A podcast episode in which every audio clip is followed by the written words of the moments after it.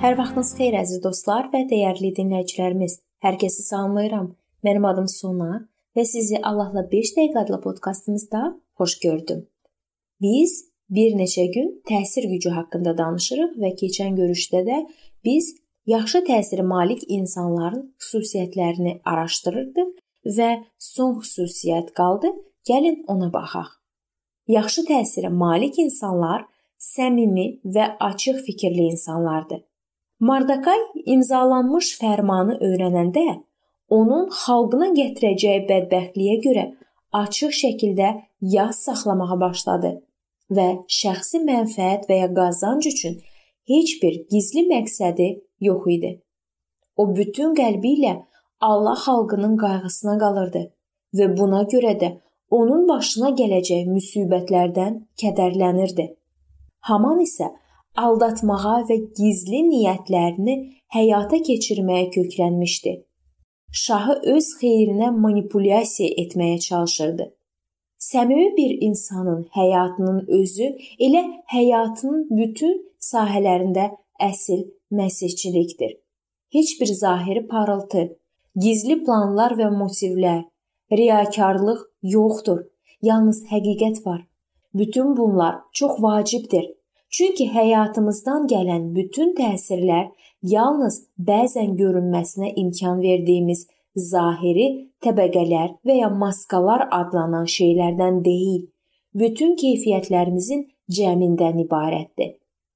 Hər qərarımız, oxuduğumuz hər kitab, hər bir dostumuz, bunlar hamısı bizi bütöv bir şəxsiyyət kimi formalaşdırır ki, bu da sonra digər insanlara təsir göstərir.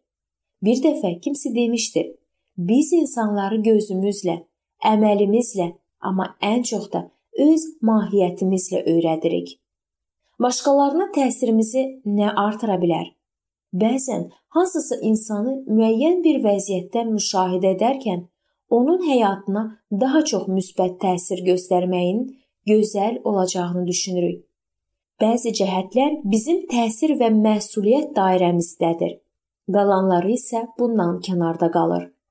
Əgər məsuliyyətimiz xaricində olan bir şeyə təsir etməyə çalışsaq, səylərimiz az effektli olacaq və ya hətta zərərli də ola bilər.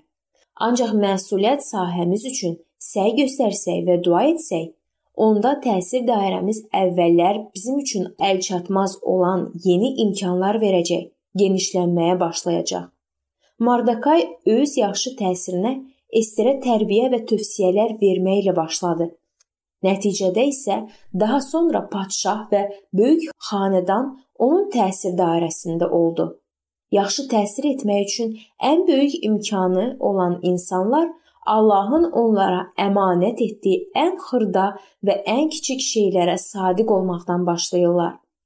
Süleyman məsələsi 22-29-da yazılıb. İşində mahir olanı görsənmi?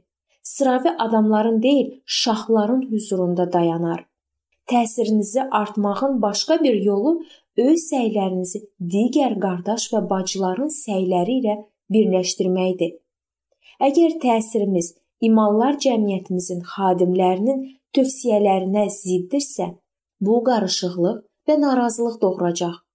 Ancaq bütün imanlar cəmiyyətinin səyləri ilə birlikdə təsirimiz nə qədər də güclənir.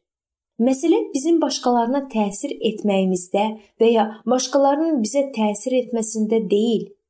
Əsl məsələ budur. Ester 13-də yazılıb. Bizim təsirimiz necədir?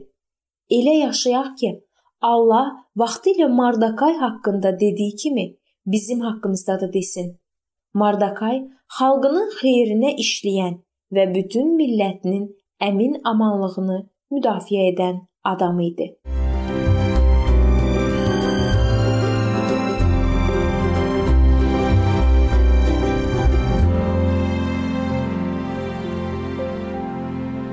Beləliklə əziz dostlar, bu vacib mövzu burada sona çatdı. Hər zaman olduğu kimi sizi dəvət edirəm ki, bizim podkastlarımızı Facebook səhifəmizdən və YouTube kanalımızdan dinləməyə davam eləyəsiniz. İndi isə mən sizinlə sağollaşıram və növbəti görüşlərdə görmək ümidi ilə sağ olun, salamat qalın.